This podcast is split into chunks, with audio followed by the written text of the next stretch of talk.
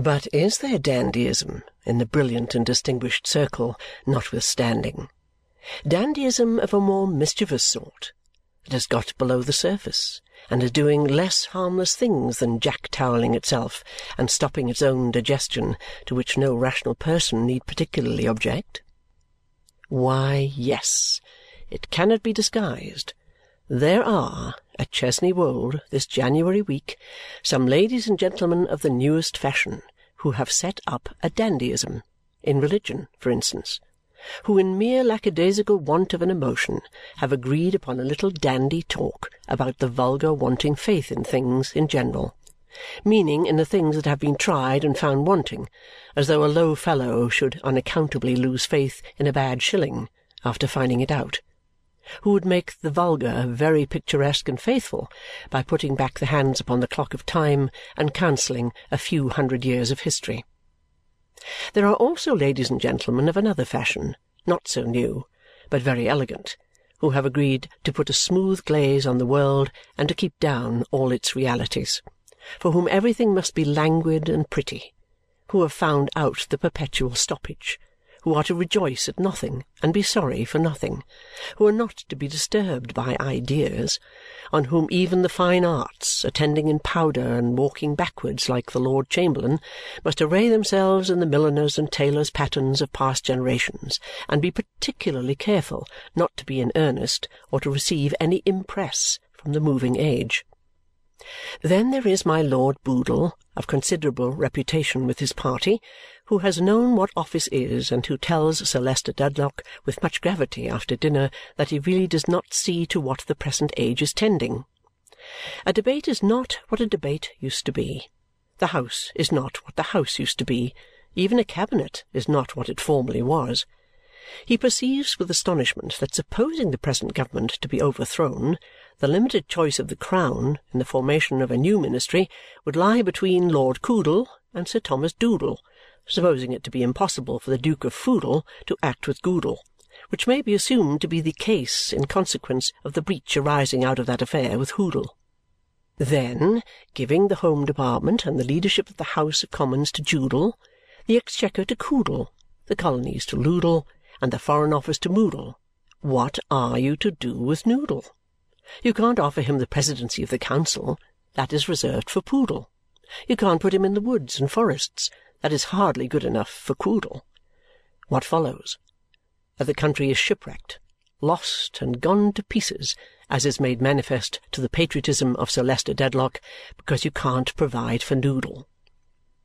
On the other hand, the Right Honourable William Buffy, M.P., contends across the table with some one else that the shipwreck of the country, about which there is no doubt, it is only the manner of it that is in question, is attributable to Cuffy. If you had done with Cuffy what you ought to have done when he first came into Parliament and had prevented him from going over to Duffy, you would have got him into alliance with Fuffy. You would have had with you the weight attaching as a smart debater to Guffy you would have brought to bear upon the elections the wealth of Huffy. You would have got in for three counties, Juffy, Kuffy, and Luffy, and you would have strengthened your administration by the official knowledge and the business habits of Muffy. All this, instead of being, as you now are, dependent on the mere caprice of Puffy. As to this point, and as to some minor topics, there are differences of opinion. But it is perfectly clear to the brilliant and distinguished circle, all round, that nobody is in question about Boodle and his retinue, and Buffy and HIS retinue. These are the great actors for whom the stage is reserved. A people that are, no doubt, a certain large number of supernumeraries who are to be occasionally addressed and relied upon for shouts and choruses as on the theatrical stage. But Boodle and Buffy their followers and families, their heirs, executors, administrators, and assigns, are the born first actors, managers, and leaders, and no others can appear upon the scene for ever and ever. In this, too, there is perhaps more dandyism at Chesney Wold than the brilliant and distinguished circle will find good for itself in the long run. For it is, even with the stillest and politest circles, as with the circle the necromancer draws around him, very strange appearances may be seen in active motion outside. with this difference, that being realities and not phantoms, there is the greater danger of their breaking in. Chesney Wold is quite full anyhow, so full that a burning sense of injury arises in the breasts of ill-lodged ladies' maids and is not to be extinguished. Only one room is empty. It is a turret chamber of the third order of merit, plainly but comfortably furnished and having an old-fashioned business air. It is Mr. Tulkinghorn's room and is never bestowed on anybody else, for he may come at any time. He is not come yet. It is his quiet habit to walk across the park from the village in fine weather, to drop into his room as if he had never been out of it since he was last seen there, to request a servant to inform Sir Leicester that he has arrived in case he should be wanted, and to appear ten minutes before dinner in the shadow of the library door. He sleeps in his turret with a complaining flagstaff over his head and has some leads outside on which, any fine morning when he is down here, his black figure may be seen walking before breakfast like a larger species of rook. Every day before dinner, my Lady looks for him in the dusk of the library, but he is not there. Every day at dinner, my Lady glances down the table for the vacant place that would be waiting to receive him if he had just arrived, but there is no vacant place. Every night, my Lady casually asks her maid, "Is Mr. Tulkinghorn come?" Every night the answer is, "No, my Lady, not yet." One night, while having her hair undressed, my Lady loses herself in deep thought after this reply until she sees her own brooding face in the opposite glass and a pair of black eyes curiously observing her. "Be so good as to attend," says my Lady, then addressing the reflection of Hortense to your business. You can contemplate your beauty at another time." "Oh, pardon! It, it was your ladyship's beauty." "That," says my Lady, "you needn't contemplate at all."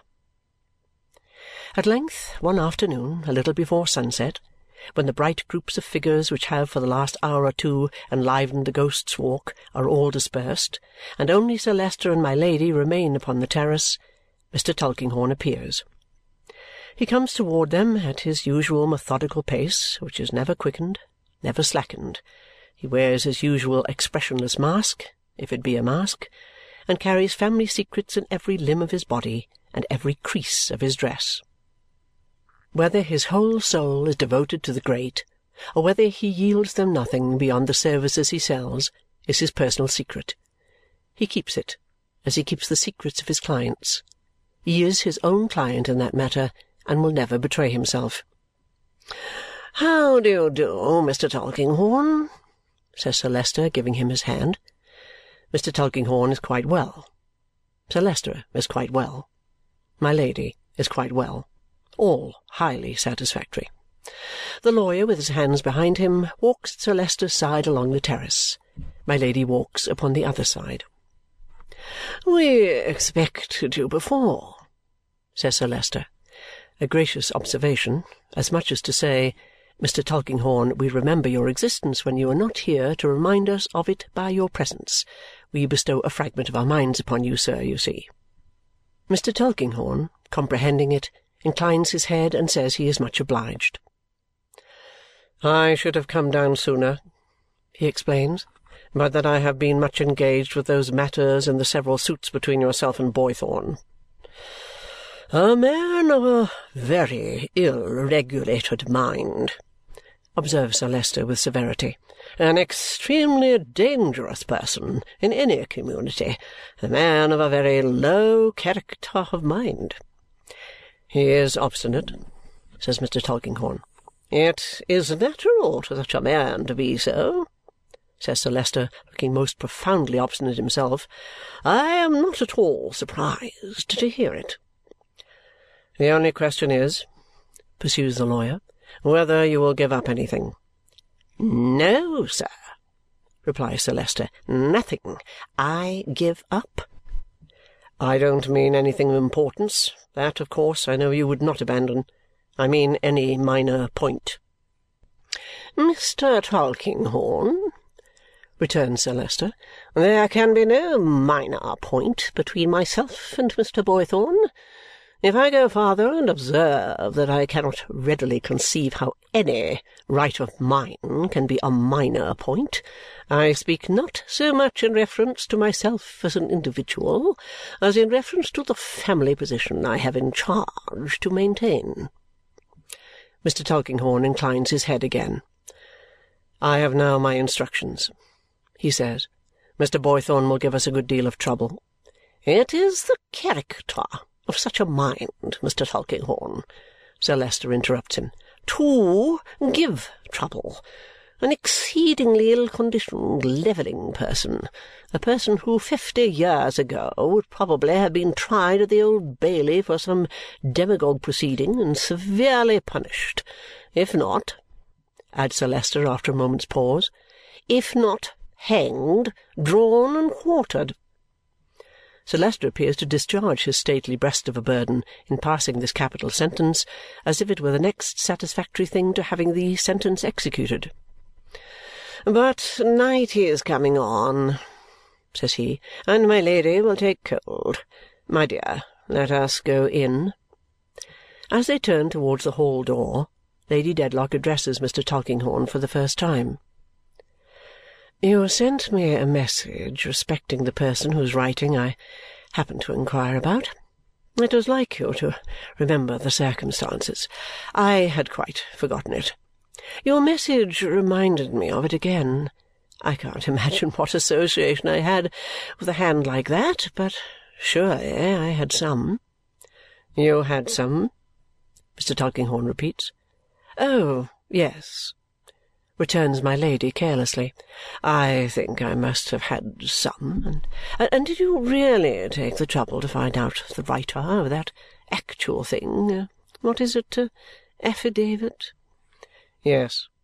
How very odd. They pass into a sombre breakfast room on the ground floor, lighted in the day by two deep windows. It is now twilight. The fire glows brightly on the panelled wall and palely on the window-glass, where, through the cold reflection of the blaze, the colder landscape shudders in the wind, and a grey mist creeps along, the only traveller besides the waste of clouds.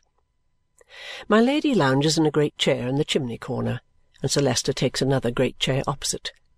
The lawyer stands before the fire with his hand out at arm's length, shading his face. He looks across his arm at my Lady. "Yes," he says. I inquired about the man and found him, and, what is very strange, I found him not to be any out of the way person, I am afraid, Lady Dedlock languidly anticipates. I found him dead.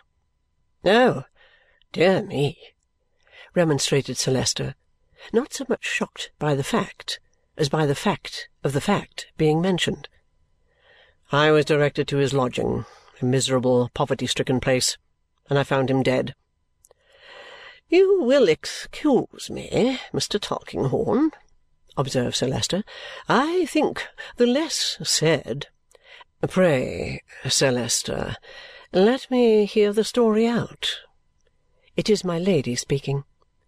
"It is quite a story for twilight. How very shocking!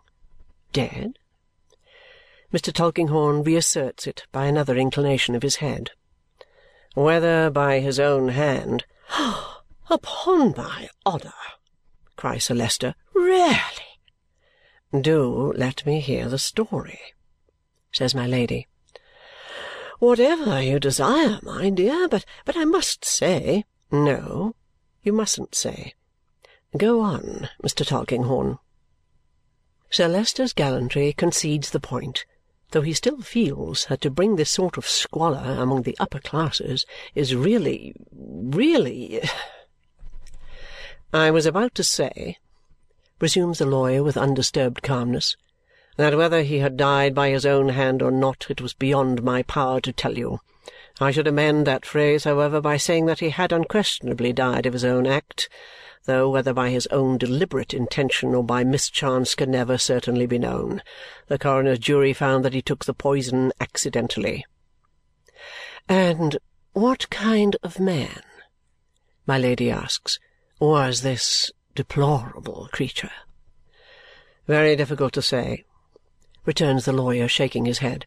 He had lived so wretchedly and was so neglected, with his gipsy colour and his wild black hair and beard, that I should have considered him the commonest of the common.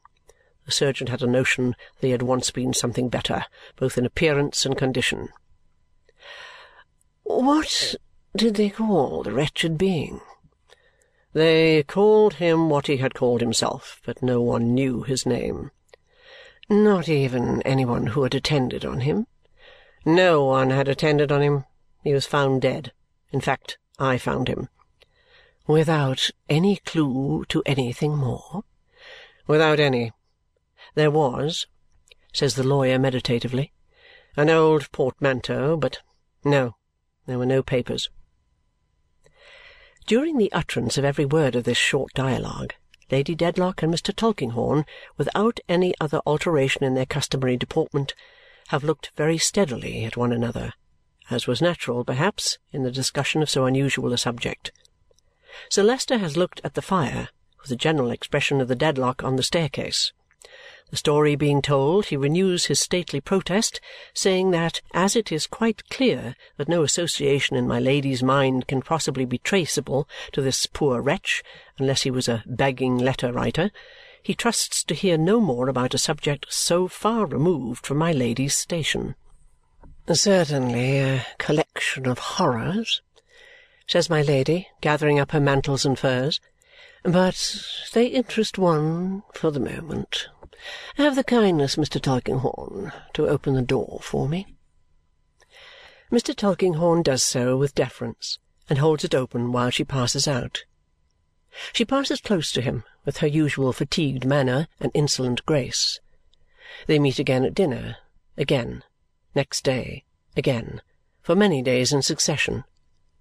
Lady Dedlock is always the same exhausted deity, surrounded by worshippers and terribly liable to be bored to death, even while presiding at her own shrine. Mr. Tulkinghorn is always the same speechless repository of noble confidences, so oddly out of place and yet so perfectly at home. They appear to take as little note of one another as any two people enclosed within the same walls could. But whether each evermore watches and suspects the other, evermore mistrustful of some great reservation, whether each is evermore prepared at all points for the other and never to be taken unawares, what each would give to know how much the other knows. All this is hidden, for the time, in their own hearts.